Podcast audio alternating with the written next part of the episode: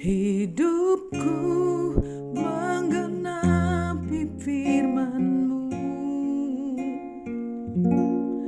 Tanda mujizat sertai tiap langkahku.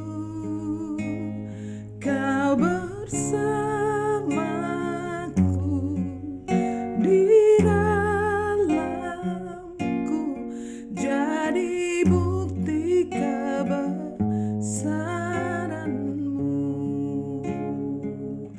Shalom saudara apa kabarnya? Semoga hari Anda menyenangkan. Orang tertua di dunia menurut catatan Alkitab adalah Metusala. Umurnya mencapai 969 tahun. Wow.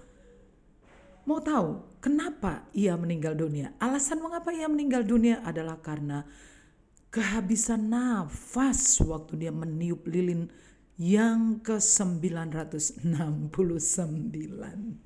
Saudaraku, hidup itu bukan tentang lamanya, tetapi maknanya.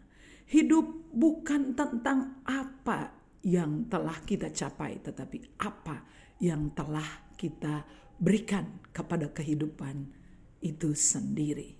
Bukan cara matinya, tapi cara hidup lebih penting dari cara mati.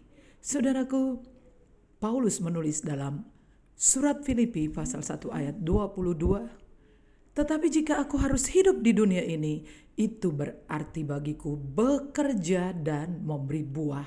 Anda tahu kan, pohon itu kalau berbuah tidak menikmati sendiri buahnya, tetapi orang lain, pihak lain, manusia yang menikmati.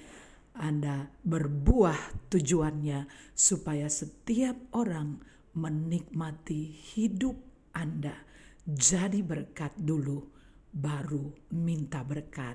Selamat beraktivitas, Tuhan memberkati saudara.